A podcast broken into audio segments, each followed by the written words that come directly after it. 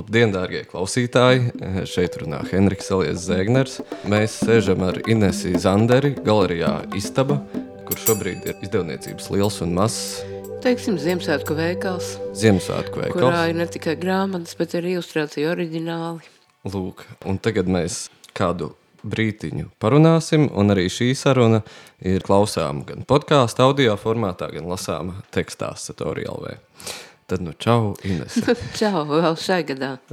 Es tev vispār uzrunāju intervijai tāpēc, ka nāk tas gada beigu apcerīgums, un es domāju, ka gribās parunāt ar kādu gudru cilvēku, bet reku ir sakritis tā, ka tev tieši šonadēļ pienāca ziņas, ka tev ir arī jauna grāmatiņa, bilžu Nu. grāmatiņa. Nu jā, zini, atbildi būs daudz pakāpju, tā kā raķete, kamēr kaut kas izšausies.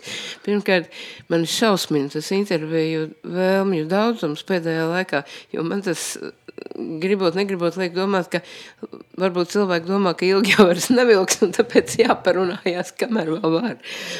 Eh, Tas tik tā par to apcerīgumu, jā. Par gudro to es vispār nekomentēšu. Un par to grāmatiņu ir tā, ka man ir iznākusi grāmatiņa, kas laikam ir pati mazākā, nu, teiksim, formāta ziņā, protams, pieaugušajiem domātās dzējo grāmatas jau ir mazākas. Bet, nu, šai ir arī vēl ļoti mazs teksta apjoms un mm. nedaudz lapušu. Tātad tā ir droši vien no bērnu grāmatām mazākā, kāda man līdz šim ir iznākusi. Mm. Bet viņa vienlaikus ir arī viena no tām, kas man pašai vislabāk patīk. Mm -hmm. Jo pateicoties sadarbībā ar Ernestu Kļaviņu, kurš mums ir lakonismu karalis vispār. Un, un, protams, pateicoties dizaineriem briežiem, kas to grāmatu ir uzbūvējuši un, un noapaļojuši viņas stūrīšus, lai viņi būtu nu, īpaši mīļi tādam mazam bērnam. Kopīgiem spēkiem mēs esam panākuši tieši to, ka man vienmēr visvairāk ir gribējies. Pilnīgi visās lietās, arī dzējoļos, un arī, kas neatiecas maz uz bērnu grāmatām. Nu, man gribas, lai pasaule tiek būvēta no tādām taisnām līnijām, no skaidrības. Ja? Ar taisnu līniju es nesaprotu vārdu burtiskā nozīmē.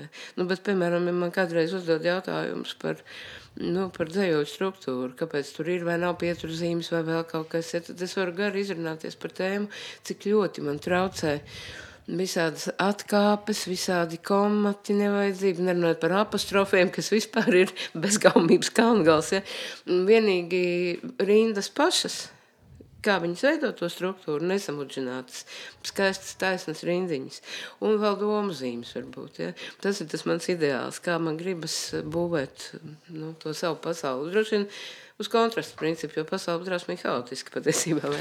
Nu, lūk, šī bērnu grāmatiņa kaut kādā mērā iem- iemieso visu šo manu estētisko ideālu, jo arī tas dizains un ilustrācijas nav pretrunā ar šo ideju. Tur ir īsi skaidri teikumi, lakoniskas skaidras ilustrācijas, un tas viss saucās kamoliņš un kastīte. Tas ir stāsts par apli un tēstu stūri. Bet es domāju, klausoties, vai tā nav filozofija, kas tur parādās. Nu, zini, kur kad filozofija neparādās? Filozofija jau tev neprasa atļauju, lai kaut kur parādītos. Literatūrā skaidrība filozofija un, parādās vienmēr, tikai jautājums ir, vai tā ir filozofija tāda, nu, samudrīta, kura tēlo filozofiju, vai, vai tāda filozofija, kas izaug no, vienkārši no domāšanas. Nu, kā tu domā, tā tu arī raksti, un tā arī ir tā tava filozofija.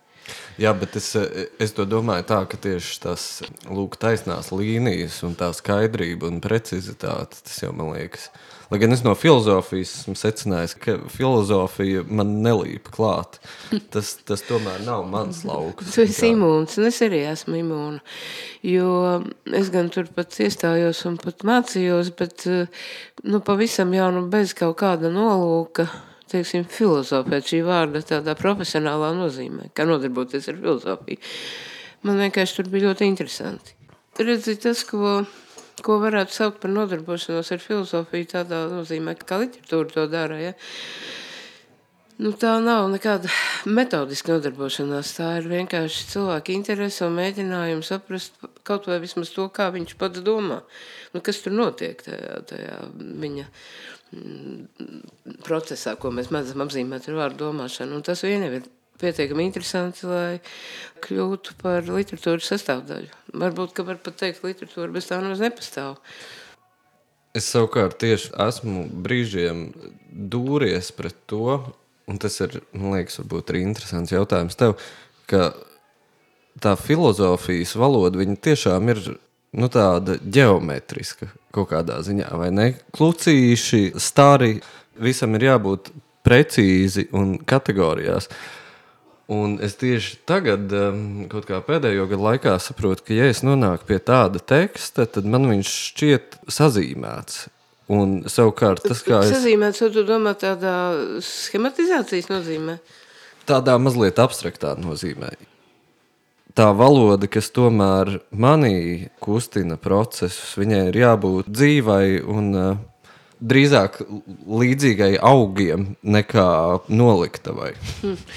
Nu, jā, nu, protams, ka augi ir interesantāki nekā kastītes ir konservončiņām, bet, zini, Tā jau gluži nav, jo tādus banālus piemērus minēšu, kā ja kāds ir paklausījies Mamardašvili lekcijas, ko mēs jaunībā dabūjām dzirdēt, vai pēc Igorska lekcijas, Nu, es nezinu, ko es minētu kā piemēru, bet tās galvenā piemēra jēga ir tāda, ka tad, kad tu redzi, kā cilvēks domā, kā viņa runāšanas procesā atspoguļojas tas, kā viņš šajā brīdī domā, tad to ir bez šaubām grūti salīdzināt ar gatavām bunģiņām, neraugoties uz to, ka tur pastāv kategorijas un kaut kādi, teiksim, izstrādāti priekšseti, kas tiek lietoti Bet es domāju, ka tas ir vairāk saistīts ar tādām filozofijas studijām, kur var sadurties ar to kategorizāciju līdz tādai pakāpei, ka tas jau sāk, teiksim, izskatīties pēc miroņu lādes. Ja.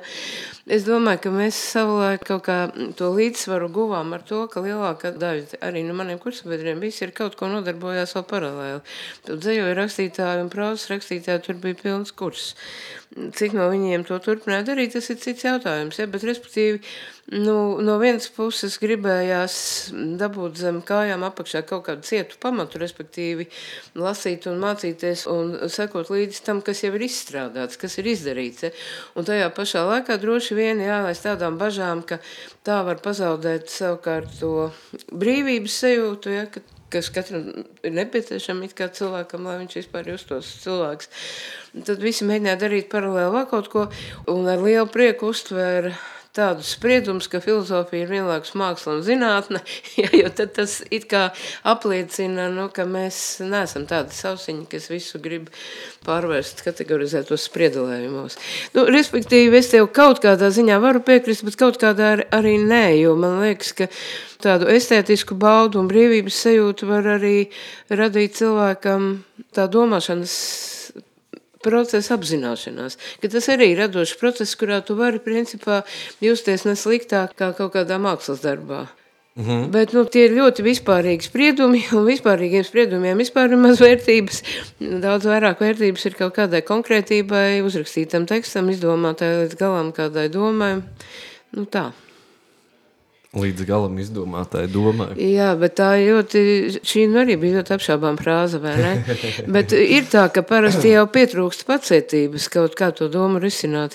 Ir tikai kaut kādi domu tādi aizmetņi, tas tā ļoti banāli kaut kā skan, nu tādi maza domu izlaušanās, nu tādi caurumi varētu teikt, ja, kur uz galvā te visi domas, bet lai ietu tālāk, ja tur, kur var aiziet, ja tu turpini domāt neatlaidīgi un kaut kā skrupulozi un neatvieglojot šo, šo procesu, nu es nedomāju visu, ka vajag daudz iet pastaigāties pa tiem celiņiem. Ar to es domāju, nu izdomāt līdz galam ir vienkārši nemest pie malas, ja. Kaut kas ienāk prātā, kaut kas tur it kā ir, kaut kas uzmirdzēja, kaut kas paspīdēja, nu un, ja tālāk, nē. Dzējā vispār patiesībā vairāk ir to uzmirdzējumu nekā tās iešanas. Tā taču ir. Jā, lūk, varbūt jautājums varētu būt tāds, e, kā tu šobrīd jūti to dzēju valodā? Vai dzējas valodu? Dzējas valodu. Ir tā, ka, nu, bez šaubām, ka ir pēdamo, es nezinu, cik tur nu gadu laikā, baigi mainīsies tā paradigma, kurā tā dzēja dzīvo pašlaik, ja, un kas ir tā dzējas valoda. Es sekoju tam līdzi ar milzu interesi. Un e, viena daļa no tā visa, man liekas, metam būs miskastē ar laiku, tāpēc, ka, nu, konceptuālisms nevelk. Nu, nevāk, vienkārši nevāk, tāpēc, ka tādā veidā var darīt jebko. Tur nav tā pamatojuma, kāpēc tas ir tas vienīgais, un tas, nu, tā izredzētība iztrūkst. Es izredzētība tādā nozīmē, ka šis cilvēks raksta tā, kā var tikai viņš. Tas vienīgums, tā unikalitāte iztrūkst. Jo izdomāt kaut kādu konceptu un tam pieskaņot dažādus paņēmienus un pievilkt klāt jebkādu izēju materiālu, nu, es uzskatu, ka to var jebkurš, ja vien ir vēlēšanās. Es nejūtu to unikalitātes spēku, ja, ka tas ir, nu, te es stāvu un citādi nevaru. Varbūt tas ir nesošs spēks tajā dzējas valodas attīstībā kaut kādā laika periodā, varbūt tas ir ļoti nepieciešams, un es galīgi neesmu pret to, mm. bet man tas maz interesē. Ja. Otra lieta ir tā, ka Paldies Dievam, vismaz nu, ar iepriekšējo pauģu noliegumu mums viss ir kārtībā. Jo, kas ir normāli, tā jau tam jābūt. Ja? Un es jau to esmu plāpājusi šur un tur un šad un tad, bet es jūtos satriecoši mīlēt un satriecoši nesaprast mm -hmm. no dzinieku jaunākās paudzes puses. Ja? Jo to labvēlību esmu jutusi vienmēr.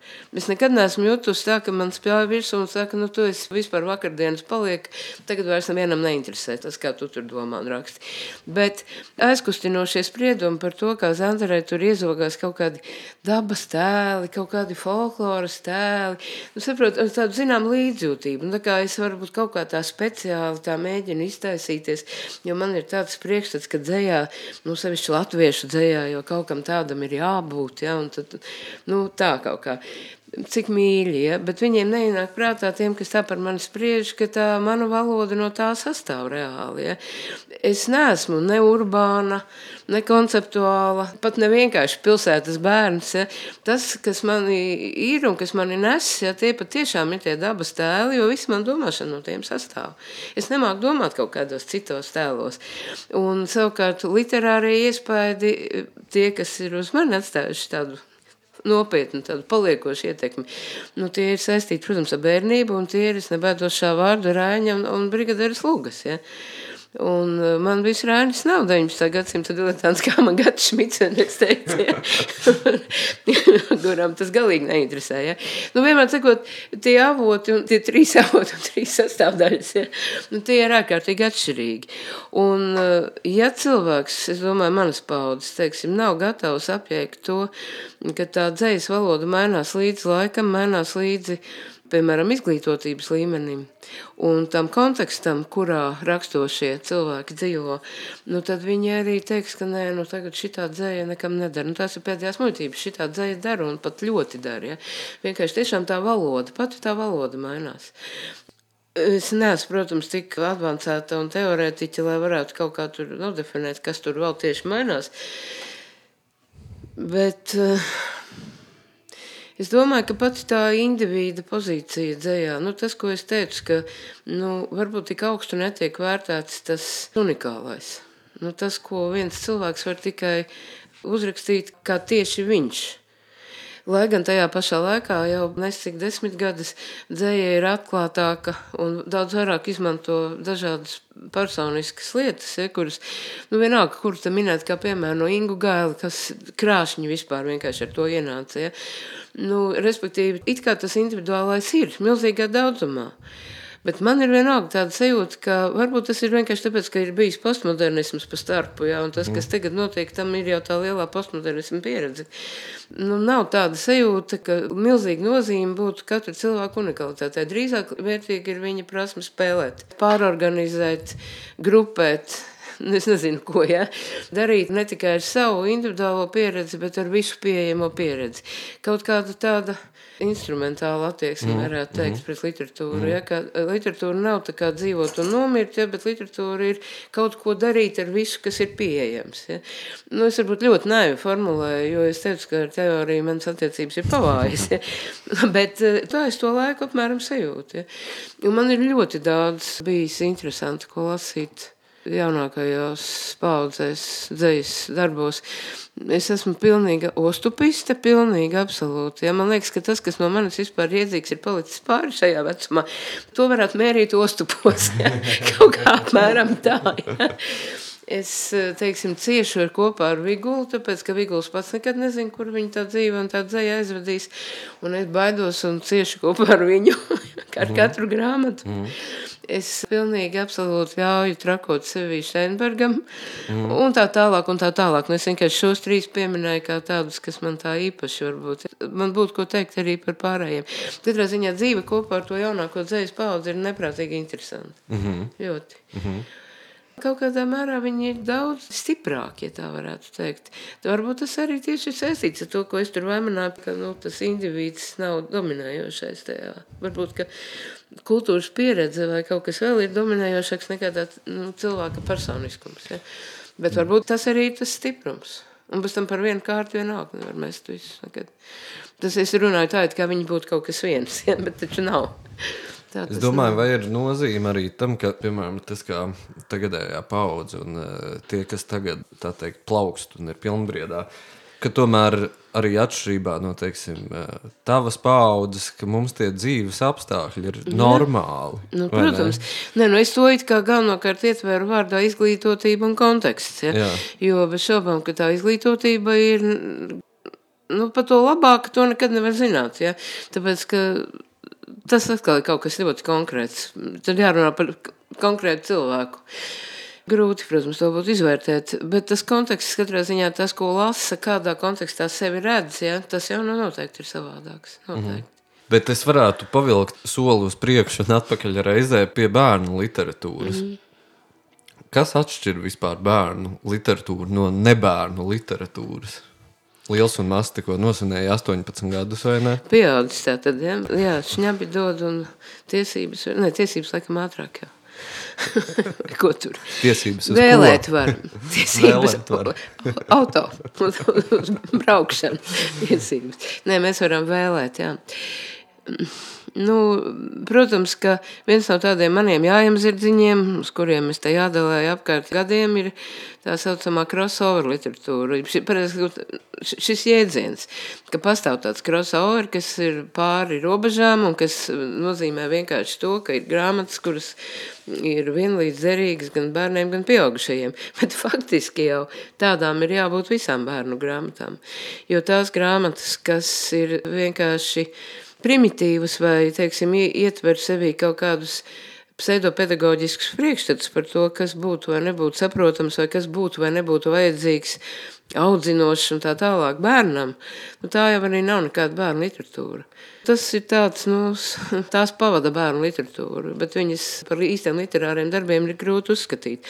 Savukārt tās bērnu grāmatas, kuras ir vērtīgas un kurām ir trīskāršs dibens un slepenās atbildnītes, ja, tās ir, protams, interesants vienmēr bijuši arī pieaugušiem cilvēkiem. Un otrs puses, vai nu tu nezināsi pietiekami daudz bērnu, kur ir būdami bērni pēc vecuma skaidri un gaiši, viņi ir lasījuši pieaugušiem domātās grāmatas un jau ļoti agrā vecumā, nu tādu arī nekad nav trūcis. Nu, nu kurš var novilkt to robežu, ja? Man liekas, ka varbūt ir tāda mēraukla, tāda nu, tīri praktiski pielietojama. Ja ar grāmatu nevar nekā noturēt bērnu uzmanību, mm. tad tā nav nekāda bērnu grāmata. Ja? Jo, nu, protams, tas jau attiecas arī uz literatūru pieaugušajiem, jo nu, neviens cilvēks nespēja izlasīt to, ko viņš nespēja, kas viņu garlaiko. Nu, tā, tā arī būtībā nav atšķirība. Bet atšķirība varbūt ir tā, ka pieaugušais kaut kādu apsvērumu dēļ tomēr to grāmatu izlasīs vai vismaz nu, sevi kaut kā piespiedīs vai izliksies, ka viņš to ir izlasījis, ja, ja ir kaut kādi tam pamatot iemesli, kāpēc viņam tas liktos svarīgi. Jāraksta recenzija. Jāraksta recenzija, vai kaut kas jāstudē, vai vienkārši labais tonis, vai kaut kādas vēl iedomas ieprast. Nu, bet bērnam tu neiestāstīsi. Viņam nav nekādu mm. pienākumu to grāmatu ne lasīt, ne klausīties, ka tu viņam lasi priekšā. Tātad es domāju, ka faktiski bērnu literatūras galvenais kriterijs, jau neesmu ordināli, man liekas, ka to Kivireks kaut kādās intervijās Latvijas presē ļoti konkrēti un vienkārši pateica, ka nu, tev ir jāpanāk, lai viņam būtu interesanti. Ja tu to spēj panākt, tad tas radīs bērnu literatūras darbu. Mm. Kaut kā tā. Kā to panākt? Nu, tur atkal to knifu ir ļoti daudz un ļoti dažādi. Tu jūti droši vien tos knifus, vai ne?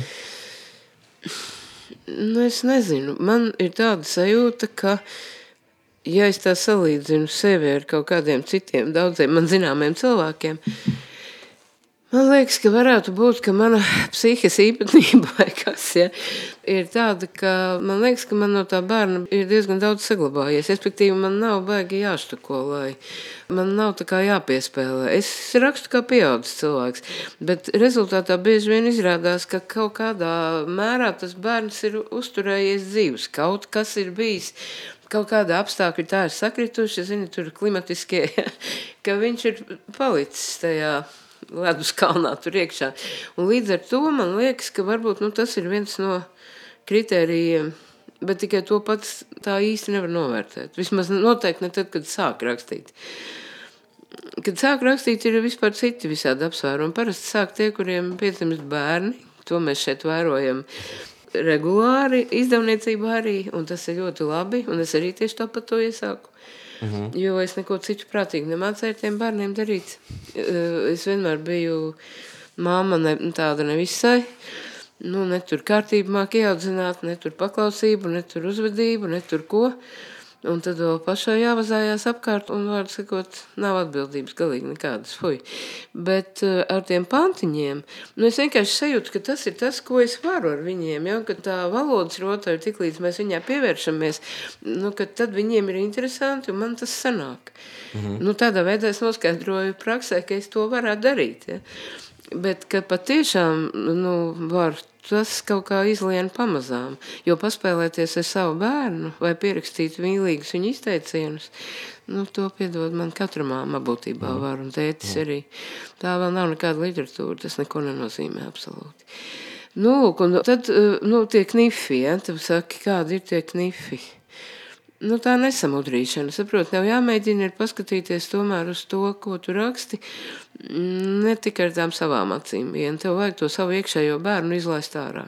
Un nezīmēties viņa priekšā. Nu, es tikko nu pat lasīju vienu grāmatu, es neminēšu, kas tā bija par grāmatu, jo es negribu nevienu te kritizēt, bet nu, katrā ziņā uh, grāmatas autore ir rakstniece, kas var uzrakstīt labu bērnu grāmatu. Bet viņa ir uzrakstījusi tādu grāmatu, kura uh, varētu sacīt, ir kaut kādā ziņā pat agresīva. Viņā visu laiku ir tik daudz ņemšanās, nu, tik daudz tādas aktīvas ņemšanās. Katrs teikums ir tā tāda lēkājoša pionieru vienība, ja, kur katrs nākošais vārds cenšas uzliekt augstāk par iepriekšējo. Ja. Nu, pēc manām domām, tas ir tieši tas, kas tur ir noticis. Ir pietrūcis spējas paskatīties uz to kaut kā distancēti paskatīties tā, kā tu iedomājies, kā tagad tas būs, kad bērns to lasīs. Nu, nesit viņam ar katru vārdu pa galvu. Domā vairāk par to ritmu, kādā ritmā viņš lasīs. Nu, vispār jau lasīšana šobrīd ir vērtīga pirmām un galvenām kārtām ar to, ka tā ir um, apstāšanās, nu, tāda bremze, ja, kas liek pievērsties kaut kam ilgāk, lēnāk, mierīgāk, kur nevar ar pirkstu pabīdīt uz priekšu fiksi attēlu rindu, uh, un pārliekt zibenīgi uz kaut ko vēl, ja, tev ir vienkārši jāapstājas sevišķi pie drukātas grāmatas, mm -hmm. kas ir gan telpā, gan laikā izplatusies, ja. Viņa fiziski pastāv telpā, un tā pašā laikā tu nevari viņu aptvert uzreiz kopumā. Tev ir secīgi jāiet lapu pa lapai, jāizlasa visi burti pēc kārtas, lai veidotos visi vārdi un kaut kāda jēga tam teikumam, un tas viss ir tā, tā bremze, kas ir vispār vajadzīga, lai cilvēka domāšanas process iestātos, ja, lai nebūtu tikai mirkšķinošs acis un kustīgs pirkstiņš. Mm nu, lūk, un es domāju, ka. Ja no šāda viedokļa paskatās uz bērnu literatūru, tad pats svarīgākais ir mēģināt tajās grāmatās uztrāpīt to ritmu, kādā bērnam būtu forši sekot tam tekstam. Jo teksta izlasīšana ir diezgan grūts darbs tomēr priekš cilvēka, kuram tā nav rutīna un palīdzēt viņam to interesantumu noķert ne tikai ar sižetu un notikumiem, bet arī ar pašu to teikumu struktūru, ar to grāmatas izkārtojumu. Ja? Nebliest viņam virsū un arī nestiept gumiju, ja? lai nepaliek slikta duša jau, ja? tā pliekanība tāda. To ir ļoti grūti notrāpīt. Nu, to vislabāk, protams, ir uztrēnēt, es domāju, dzējā, jo tur kaut kā tā koncentrētā veidā tas tā notiek, ja? bet tas pilnīgi tie paši principi, kas dzējā, tiem ir jāstrādā arī prozā. Citādi, kas tad tas pa tekstu būs? Mums jau tā arī ir bijis, ka visi lielie klasiķi, vecie, Viņi jau ir rakstījuši tā kā bērniem, tā kā ne bērniem. Nu, nu, tu vari visu mūžu spriedelēt par to, vai Rāņa zelta zirgs ir bērnu luga vai kas. Viņu tika izrādījuši kā Ziemassvētku pasaku bērniem sākotnēji. Bet nu, mēs taču skaidri redzam, ka tā ir tikpat lielā mērā luga, neveidošā vārdu filozofiski rakstura luga. Man ir ierosinājums pārējām pie vienkāršākām tēmām. Man nu pat ienāca prātā par to Raini un zelta zirgu runājot kā lai pasaka, es arī savu mazo pirkstiņu esmu pielikusi pie Kāriša ambiciozajiem plāniem dēls teātrī, proti viņiem ir padomā iestudēt Bernsteina opereti Kandits. Mm -hmm. Kura, kā jau tu saproti, librets ir rakstīts pēc Voltera Kandida motīviem un tā. Un viņi man paaicināja tāpēc, ka Jurim Vaivadam ir tāda aizkustinoša ticība tam, ka Zandera var dziedam tekstu uztaisīt latviešu valodā, mm -hmm. jo mums ir bijis gadījums ar Lāda Weber mūziku vienreiz jau dēls teātrī. Un tad viņš izspēlēja cauri visus tos latviešu tekstus un teica, ka viss štīmē ir notīm. Nu, tad kopš tā laika viņš man arī uzticas. Mm -hmm. Nu, un tālāk jau sākas šausmu stāsts, ja? jo tur ir 27 dziesmas, Viņas visas ir atskaņotas bez šaubām. Nu, kā jūs saprotat, zilbītes ir tik, cik ir, notiņas ir tik, cik ir. Akcentiņi, uzsvariņi, pauzītas elpiņas, viss ir tur, kur viņas ir. Tur viņām ir arī jāpaliek, ja. Augšiņas ir. Ja. Nu, Tas viss. ir zvēra darbs. Nu, bet tu saproti, tur vēl kā pa nelēm ir arī saturs. Ja. nedaudz satura visā šajā lietā. Un es vienkārši gribēju padalīties ar jautru epizodi, kā mēs sežam ar Vaivodu un pārunājam tur tagad kaut kādus tapušos tekstus. Nu, viņš ir izčakojis, vai nu tās ir uz notiņām vai nav. Tur bišķiņ kaut kur nav, mēs tur kaut ko pielabojam. Bet darbība notiek dēls teātra kafejnīcā. Mm -hmm. Un pēc brīža bufetes meitene saka, izklausās, ka jūs runājat par covidu. Un mēs atbildam, nē, par sifilisu, mīļā, par sifilisu. Ja. Jo tas garais gabals, ko mēs tur apspriedām, bija Panglis tāds garš vēstījums par to, kā sifilis dārgā dāvaniņa pārceļo no viena pie otra pa visu pasauli. Un lūk, šeit par zelta zirgu, ja. Nu, vai kāds zina Latvijā, kas ir šalots lēdī, lēdī no šalots? Man liekas, ka asociācija ir ar sīpoliem. Mm -hmm. Jā, nu. Es nu, nezinu. Nu, skats, ka tu nezini. Un, nu, es zinu, kurš zina. Ja?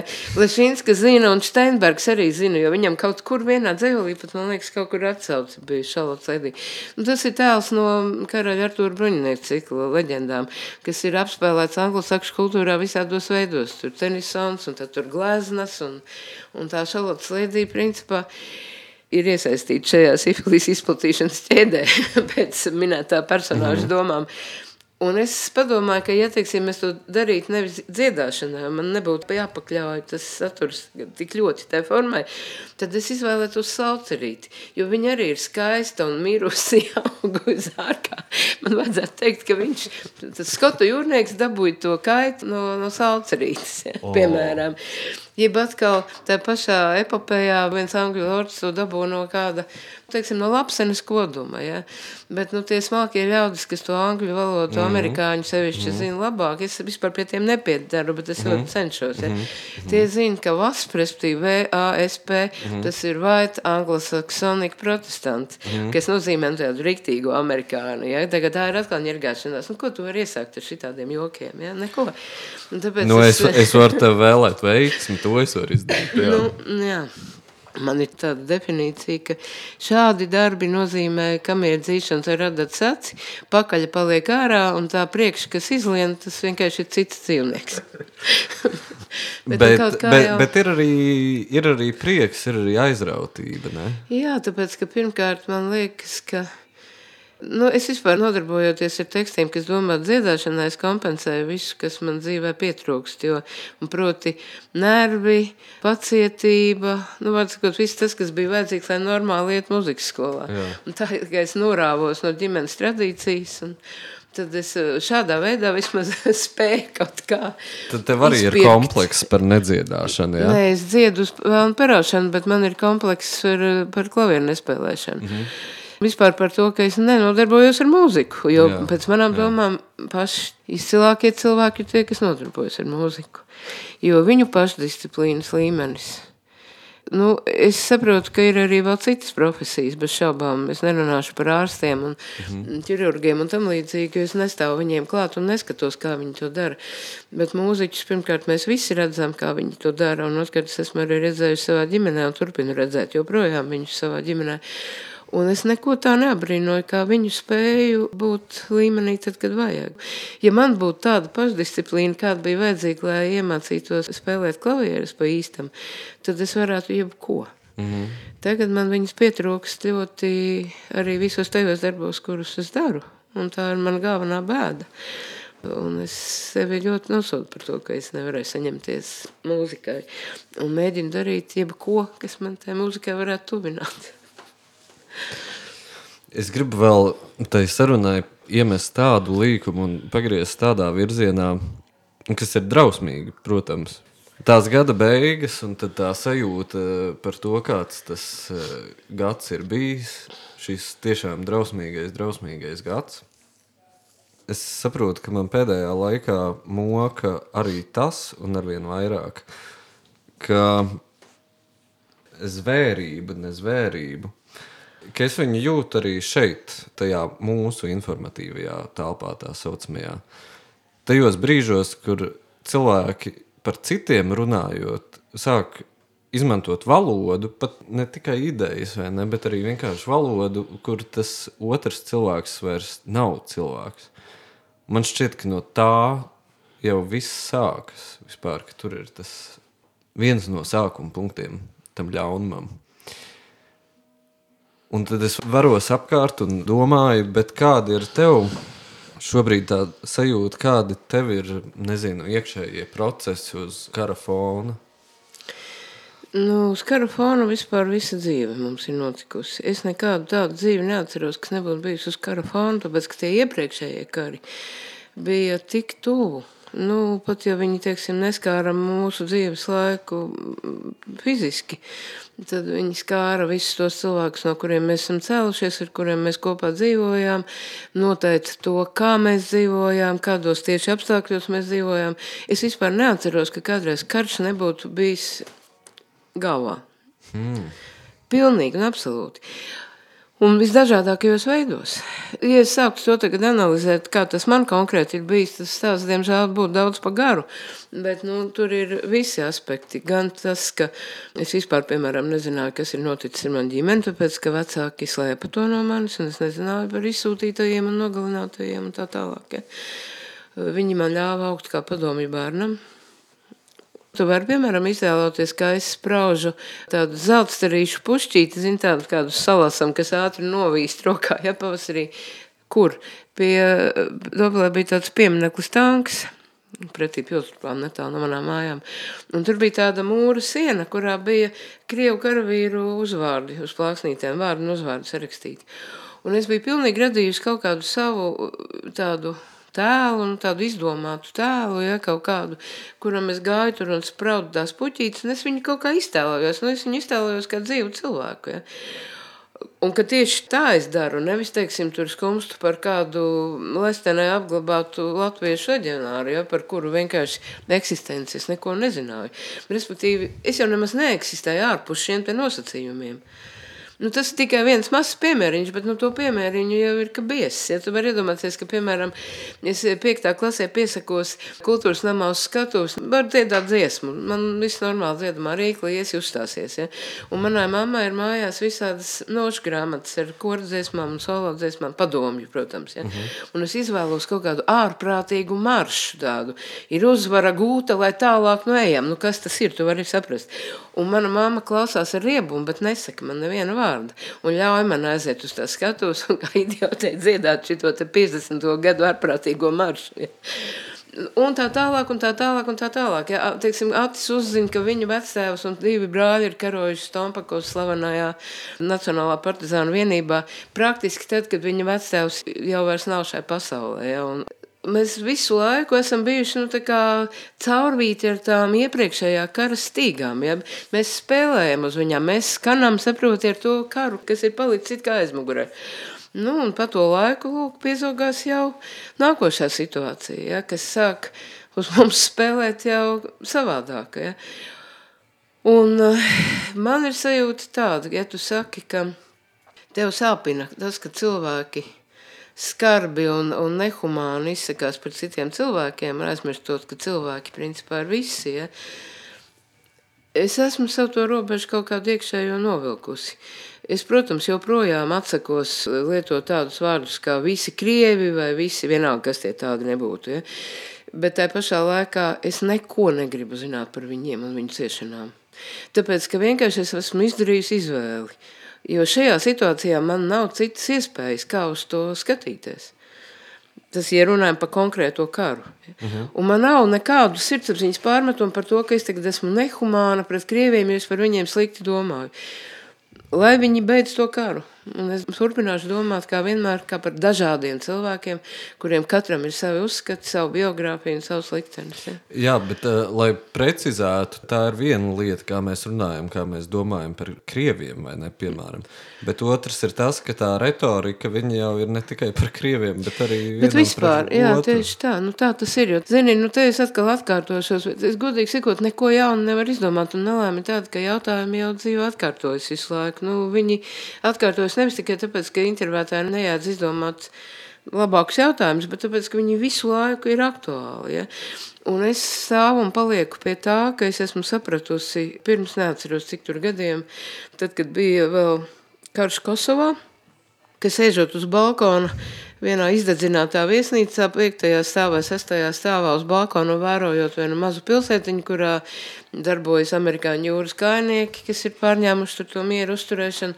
Nāk tur serbi vēl ar ieročiem, un tad atkal viņiem pretī tur albāņi, un viss tur notiek, ja, un ir skaidrs, ka tur apkārt ir vispār daudzi viens uz otru šāvuši, un turpina to darīt. Un man vienā pusē ir minarets, un otrā pusē ir pareisticīgo baznīca. Es viņas abas redzu no augšas un dzirdu tur zvanus, tur tos muedzinus un visu. Un man visu laiku moka tā sajūta, vai tiešām tas neizbēgami, nu, ka, ka viņiem ir jāvēršās vienam pret otru. Ja? Nu, tur šitādās te mokās, vēl Platonovu lasot pa starp kaut kā, man nezinu, kāpēc. Man ienāca pēkšņi prātā tāda primitīva doma, nu, ar, bet es pie viņas turos, es domāju, ka tas arī viss izskaidro. Kristietība nav tik, tik muļķīga, lai jēdzieni nerodas tukšā vietā no nekā.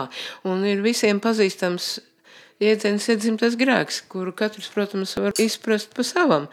Bet man ir pilnīgi skaidrs, kur tā vaina ir. Tu teici, no kurienes rodas tas ļaunums. Tas ļaunums vienkārši ir jau katrā cilvēkā. Jautājums nav par to, vai viņš ir vai nav.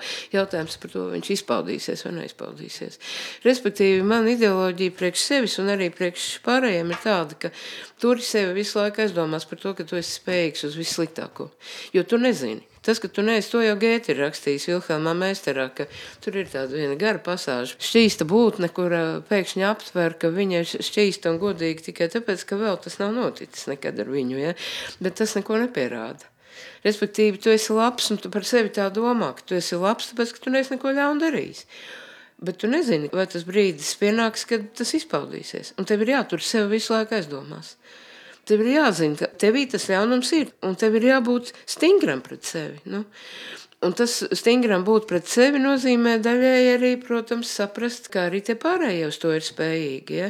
Nu, humanisms un labestība tā saucamā, ja? Tā nav nekāda vate un nekāda mīkstmiesība. Tas vienkārši nozīmē to, ka vajag gan pret citiem, bet pirmām kārtām pret sevi, ja visu laiku izjust tādu, zinām, aizdomīgumu. Ja? Nu, man ats ir aprakstījis, viņš to ir visiem aprakstījis, jo tas ir viņa rakstā grāmatā. Bet nu, mēs daudz par to esam runājuši. Ir tādi cilvēki, viņa sarunbiedri, viena no tiem, ar kuriem bija pieticis laika, nu tā ilgāk parunāt. Pa dušām tā sakot, nevis vienkārši garām ejot, nu uz īsu brīdi tu satiec cilvēku, daudz viņam neko nepajautās. Un tie bija Azerbaidžāņi. Džeki ir augstāko izglītību un tā tālāk, ja, kuri paši nesaprot, kas ar viņiem notika. Kas notika? Ja? Kāpēc tad, kad, piemēram, viņš nošāva, nu labi, armija ir pavēle, ja, skaidrs, viņš nošāva savu pretinieku armēni, bet kāpēc viņš uzlec uz viņu un sāka lēkāt ar kājām pa to līķi?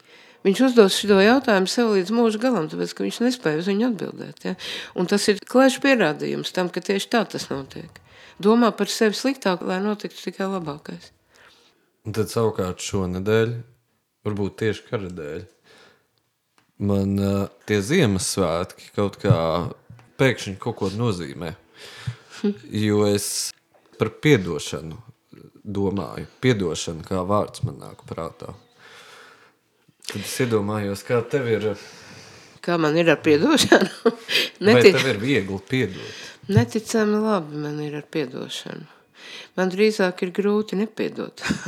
Jā, un, un varbūt, ka pat pa daudz. Pirmkārt, redz, par piedošanu vajadzēja, lai tiktu līdz Ziemassvētkiem, jau vajadzēja piedot. Jā.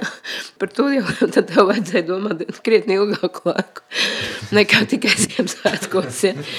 Ziemassvētkos, protams, jā. Zini, ar to piedošanu ir, man liekas, tas ir kaut kā tā. Ziemassvētku, lai arī tie Kristus piedzimšanas svētki, un es to respektēju. Neapšaubām jau nu, tie ir arī saulgriežu svētki. Un iemieso sevī arī kristīgais stāsts un kristīgā leģenda iemieso sevī to dabas ritumu. Nu, un tad varētu pajautāt, vai pavasaris nepiedod ziemai, nu, tāpēc, ka viņa ir bijusi augsta un viss bija pamiris, un tagad viss ir jādara no jauna. Ja, nu, ja tu paskaties no šāda viedokļa arī uz Ziemassvētkiem un arī uz cilvēku dzīvi, tad dabā viss visam piedod. Nu, tādā nozīmē, ka dabā jau nav redz tā iedzimtā grēka. Tur jau nav tā ļaunuma. Tas jau ir cilvēka īpatnība. Tas, kurš grib ēst, tas ēd, kam ir jāmedī, tas medī, kam vajag konkurēt, Bet kas tad konkurē. mūs atšķir no tās dabas, no kurienes tad tas nāk? Tā jau no dieva, vai ne? Nē, nu kas mūs atšķir apziņa, protams, un tā mūs atšķir, un tā arī liek mums rūpēties par to savu uh, labo un ļauno sevī, ja? Nu, goda vārds kaķim nav jādomā par to, vai viņš ir labs un ļauns, viņam vienkārši, vai ļauns, viņam vienkārši nav šīs problēmas, ja? kamēr mums viņa ir. Un līdz ar to mēs varam mēģināt to piedošanu, sevī kultivēt tieši mēģinot tuvināties tai dabas visaptveramībai, nu tam, ka tur nav jāšķiro tas labais un ļaunais, ja? Nu, mēs jau zinām, ka viņš izdarīja kaut ko sliktu, bet mēs zinām arī to, ka mēs principā arī esam to spējīgi. Tas ir tas, ko es tikko teicu, un pie tā un gan es pastāvu. Ja, ka tas, ka es neesmu neko tādu izdarījis, es neesmu šāvus ne uz vienu piemēru pēc, ja, tas galīgi nenozīmē to, ka, ka tas nebūtu iespējams. Nu, un ar tādu attieksmi arī tā piedošana, manuprāt, ir iespējama. Nu. Ziemassvētki man patīk, vienmēr ir šausmīgi patikuši, bet tikai, diemžēl, es bērnībā nemaz nezināju, ka tāda ir. Tāpēc, ka tiešām tā iebādītības pakāpe bija tik liela, ka padomju skolotāji mani atsāk mājās Ziemassvētkus nesvinēja, nepieminēja nekā tam līdzīga nebija. Bet mēs to visu pēc padomju modas bijām pārnesuši uz jauno gadu. Bet mums tur dobelē bija tāda brīnišķīga dzimta. Francmaņu dzimta, kuras Pirmtēvi, tā teikt, jā, nodibināja gan slimnīcu, gan skolu, ģimnāziju dobelē, un, var sakot, nu, kā es uzzināju vēl pirms kādiem gadiem, nemaz ne tik seniem, eh, arī Lipkam piepalīdzēja mazliet, kad viņam tur bija palīdzība vajadzīga slēpjot ebrejas dobeles apkārtnē. Un viņi man iemācīja Ziemassvētkus. Mm. Vienkārši tāpēc, ka tajā ģimenē, protams, viss bija tā, kā bija, nekas nebija mainījies. Viņi dzīvoja tajā pašā mājā, tikai pusmāja bija atdota, lai būtu dzīvokļi citiem cilvēkiem. Viņiem bija atstāta tikai daļa no tās mājas. Bet tur viss bija. Pilnīgi viss. Ja. Un tad es kopā ar savu klases biedreni gan cepu tur piparkūkas, gan spēlējām klavierus un dziedājām rīktīgas Ziemassvētku dziesmas. Viņi man tā kā uzdāvināja Ziemassvētkus, varētu teikt, ja, par ko es esmu bezgalīgi pateicīgi, protams. Es viņus mēģināju, es esmu arī savā ģimenē uzdāvināt. Citiem vārdiem sakot, mums tā ir tradīcija. Vienkārši normāla ģimenes tradīcija, kas ietver sevi eglītes un dziesmas un bērnu priekšnesumus un visas ģimenes pulcēšanos. Un, godīgi sakot, es neredzu nevienu iemeslu, kāpēc, kas man varētu likt no tā atteikties. Ja? Mm -hmm. Nekādas ironijas, nekādas skepses man pret šo nav. Tāpēc, ka neviens jau nespiež mūs piemēslot tos savus Ziemassvētkus ar kaut kādu komercialitāti vai kaut kādu liekulību. Nu, kāpēc mums tas būtu jādara? Vispār tu tikko piesauc ironiju. Um, kaut kā mēs mazliet redzam, ka daži tavi laika biedri pēdējā laikā nu, sajiet kaut kādās Paliek veci, to tu gribēji nu, teikt. sajiet kaut kādās tādās sliedēs, kurām vairs negribās sekot līdzi, piemēram, vai ne? Un es domāju, ka tur ir arī ne tikai ironija, bet ka cilvēki sajiet cinismā. Bet man šķiet, ka tu nē, tur par spīti tam, ka Tas spīti kam? Nu, man liekas, ka tas cinisms bieži vien ir reakcija uz kaut ko, ar ko nevar citādi tikt galā, vai ne, kur ar atvērtu sirdi ejot pretī, nav spēka. Bet tu arī, man liekas, tu dzīvo ar, arī ar lielajām tēmām un ar, ar to atvērto sirdi, un tas cinisms tev Lai gan tev ir gan spožs un asins prāts, lai tā kā pavilktos uz visu. Nu, es nezinu. Uh, zini, man pirmkārt ir ļoti augsts slieksnis. Nu, nu, ir cilvēki, kas sašūt un vaimanā jūtas traumēti no ļoti daudz kā. Ja? Man tas slieksnis ir augsts. Lai mani traumētu, tad vajag tiešām kaut ko ļoti traumatisku. Ja? Ar rupju vārdu man ir pilnīgi noteikti nenotraumējis. Nav daudz tādu lietu, kas man baigi pārsteigtu. Septītajā klasē pēkšņi vasaras brīvdienās ienāca prātā tāda ģeniāla doma, ka vismaz puse no cilvēkiem vai pat divas trešdaļas ir muļķi. Nu, ja to tā pieņem no bērnības, nu, nu kā nu ir cilvēkam ir zilas acis, ir cilvēki, kas ir klibi, ir cilvēki, kuriem garšo sīļķes, nu es nezinu, nu, jebkuru parametru varētu nosaukt, ja? un es no tā neko neiztaisu. Nu, man tā nav nekāda traģēdija, tā varētu teikt. Es to pieņemtu zināšanai. Un vai es pat esmu muļķi vai neesmu, to, nu, lai kāds cits spriež no malas savukārt. Ja. Un, saprot, tas ir ļoti specifisks fons. Tas jau būtībā jau ir diezgan cinisks fons. Ja. Un uz šī fona vēl spēlēt kaut kādu cinismu vai kaut kā izrunāties, zini, nu, nav interesanti. Drīzāk ir visu laiku jāuztur tā spēja uz, nu, respektīvi, cinisks nav pat tas cilvēks, kurš kaut ko saprot. Nu, ciniski ir pat tā situācija situācija. Ja? Un, lai uz tā fona saglabātu kaut kādu mm, spēju būt cilvēkam, tad jau ir drīzāk pie tā jāpiestrādā. Cinisms un ironija un nu, tās, protams, ir stilīgas lietas, viņas var izkopt un ar viņām arī var radīt estētisku efektu, bet es nekādu dižo vērtību tur nesaskatu. Sarunā, jā, bet literatūrā nu, nav interesanti. Kā es jūtu, ka cilvēks tur saka, ko tur baigi ironizēt, nu, Nav jēgas vispār tam visam, ja to mēģina uzdot par mākslu. Bet, kas attiec uz tiem līdz, kādu tu vārdu teici? Laika biedriem. Laika biedriem. Vispār, starp citu, tu esi mans laika biedrs, es piezīmēšu. Ja? es sapratu, ko tu domāji. Ir tāds jocīgs latviešu vārds līdzaudži. Nu, tie, kas ir līdzaudži. līdzaudži jā, wow. pat ne vienaudži, bet tieši līdzaudži. Tas nebija dzirdējis. Jā, tas kaut kad tika izdiskutēts, man liekas, gados jau 70. gados, un ka tas ir tāds apzīmējums tiem, kas ir līdzās kopā gājuši visu to mm -hmm. dzīves ceļu. Jā, nu tā ir. Kad cilvēkam ar to paškritiku uz vecumu galu paliek šokāk. Tas ir fakts. Un, kad es strīdos par to, piemēram, tādus līdzaudus kā Egīla Zirni, ar kuru mēs esam diezgan daudz līdzauguši, vienlaikus eh, veidojuši kaut kādus uzskatus par kaut ko un strīdējušies par kaut ko, turpinam strīdēties vēl joprojām. Ja? Un nesaskan mums tie uzskati, un katram ir savādāk. Un tad, kad es nopūšos pa kādu līdzaudzi un saku, ka nu jau vecuma marasms un kauns klausīties, tad Egīls saka, nu redzēs, redzēs, ko tu vēl sāksi gvelst, ja? Un es viņam saku tā kā pus pa jokam, bet es to saku arī tev pilnīgā nopietnībā, nu kā savam laika biedram, ja, kas varētu teikt, ir mana bērnu paudze ka es ceru, ka mani bērni man novāks no trases, ja tā situācija tiešām tik tālu nonāks, ja, ka mani sludinājumi kaut kādi parādīsies ēterā, kas neatbildīs tam, kas es visu mūžu esmu bijusi, un principiem, pie kādiem es esmu turējusies. Nu, ir jārēķinās ar to, ka cilvēkiem prāta spējas, atmiņa un daudz kas cits gadu gaitā mainās. Uh, Un nav tā, ka visas autoritātes ir jāuzskata par autoritātēm līdz mūža galam tikai tāpēc, ka viņi ir radījuši kaut ko ģeniālu, varbūt savu mūžu laikā. Neviens man nepiespiedīs, teiksim, nicināt imanta Kalniņa mūziku, bet neviens man nepiespiedīs uzskatīt par saprātīgiem viņa pašlaik paustos uzskatus. Nu tā tas vienkārši ir. Un tāpēc, eh, protams, ka muļķis var būt arī jauns, un, bet no vecas muļķis ir baisāks vēl pa jaunu muļķi. Jaunu muļķim vismaz ir kaut kāda cerība, bet ko tad darīt ar veco muļķi? Ja? Es tev ilgi visu kaut ko varētu prasīt. Pie nosacījuma, ja tu man atļauj vispirms vēl par vecajiem muļķiem vienu tēmu skart, mm. un pa jaunajiem mhm. muļķiem. Mm. Mums bija šogad ļoti zīmīga diskusija patiesībā pat vairākas redakcijā, kas, kā tu saproti, strādā pie bērnu grāmatām. Un tā, tā, tās visas diskusijas arī ir saistītas ar bērnu grāmatām.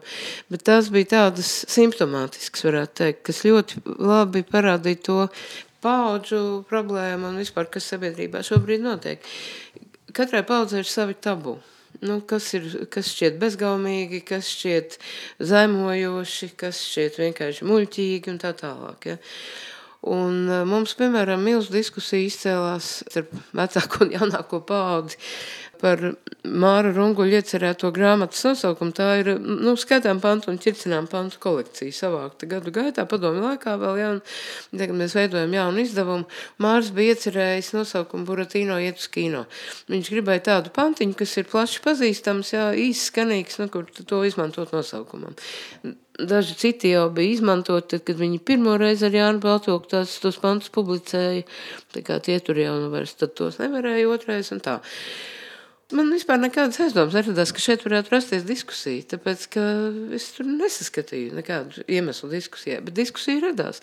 Jo izrādījās, ka jaunāks paudzes kolēģiem Buratīno ir absolūti negatīvs tēls, padomju sistēmas iemiesojums. Amplitūdā no Aleksēs Tolstojs nozaga Karlo Kolodī darbu, un līdz Krieviem ir tāda kaut kāda artilērijas sistēma, kuru sauc par Buratīno, un tā tiek izmantota karā. Ja? Un nav iespējams strādāt pie grāmatas, ja grāmatā paliek šāds nosaukums.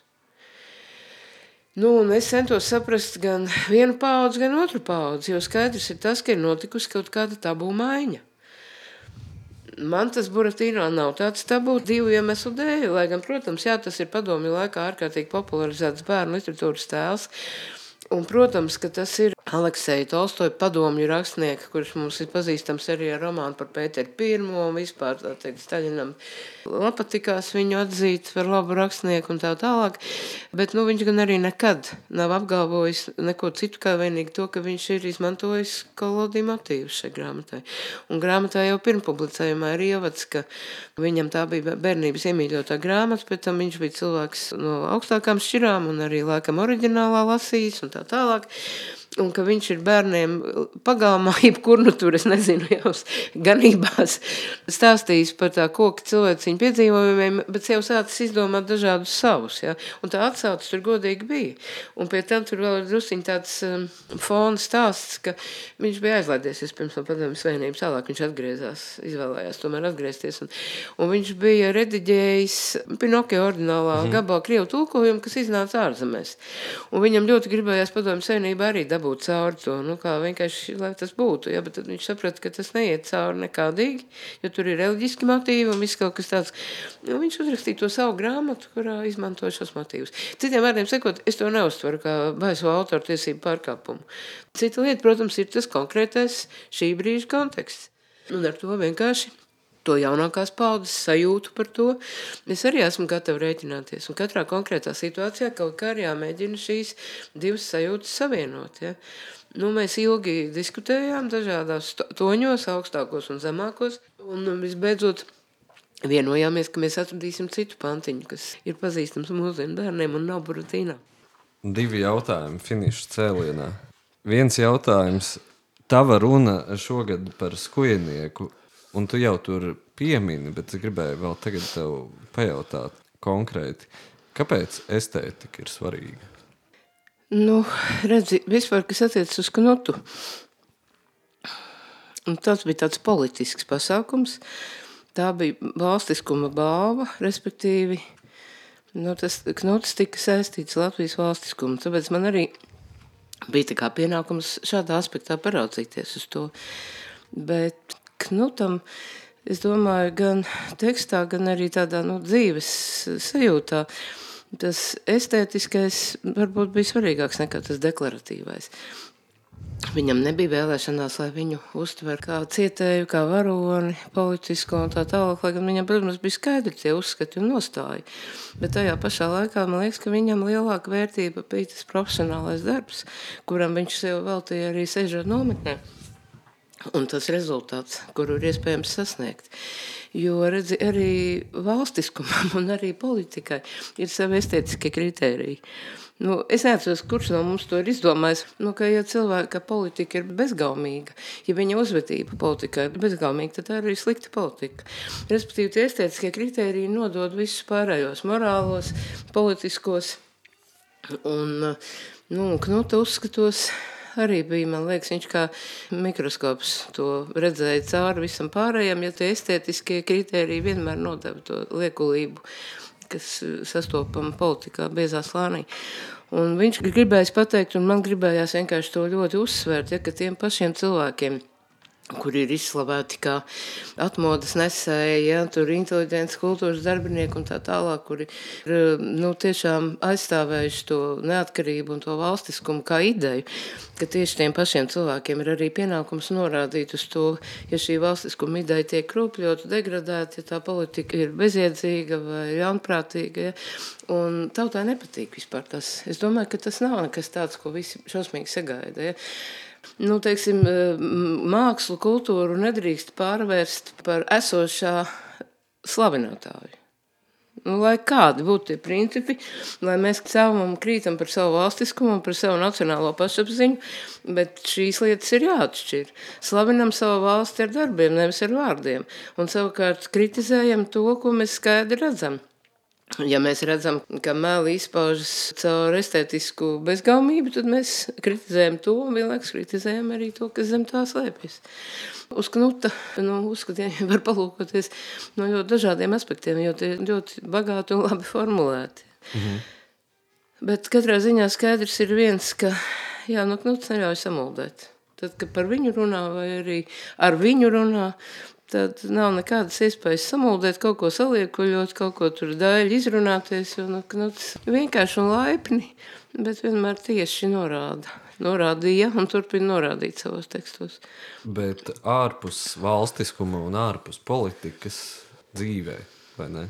Kāpēc? Eks... Dzīve neeksistē ārpus valstiskuma un ārpus politikas, saproti. Tas jau nav tā sadalāms. Bet ko tu gribēji pajautāt īsti? Par, par, par estētiku kā dzīves sastāvdaļu un eh, tās vietu tajā. Nu, tagad vispār labāk ir lietot vārdu dizains. Tādā nozīmē, ka dizains nav kaut kāda tur, zin, lietušās eh, mākslas nozara vai kaut kas tam līdzīgs, bet tas ir vienkārši tas veids, kā jebkas, lai par ko mēs runātu, kā tas tiek strukturēts, sakārtots un izveidots tā, lai tas funkcionētu atbilst tai vajadzībai, kāda mums ir, ja, un, un tas arī tad ir tas ideālā estētika ideālā estētika, vienalga, vai tas būtu mākslā vai dzīvē, ārpus mākslas ir tāda, ka tam kā ir jāatbilst tam, kas tas ir un kāpēc tas ir. Lūk, nu sakārtotība. Estētika ir sakārtotība. Atpakaļ pie skaidrajām Jā. līnijām. Ej, kur gribi, turpat nonāksi. Pēdējais jautājums. Ines, kas tev dzīvē iepriecina? Laika apstākļi. Nē, man dzīvē iepriecina tas, ka man ir tādi cilvēki, nedaudzi, ļoti nedaudz cilvēki, ar kuriem man pietiks vēl visai atlikušai dzīvei. Respektīvi, es viņus jūtu, ka viņi man ir, un es viņiem esmu, un, un mums ir kaut kas kopīgs darāms. Un, ja man tas nebūtu, nu, cilvēks jau nogurst no dzīves. Ja? Un, protams, ka neviens otru dzīvi arī nevar dzīvot. Katram ir tikai tā savējā jādzīvo.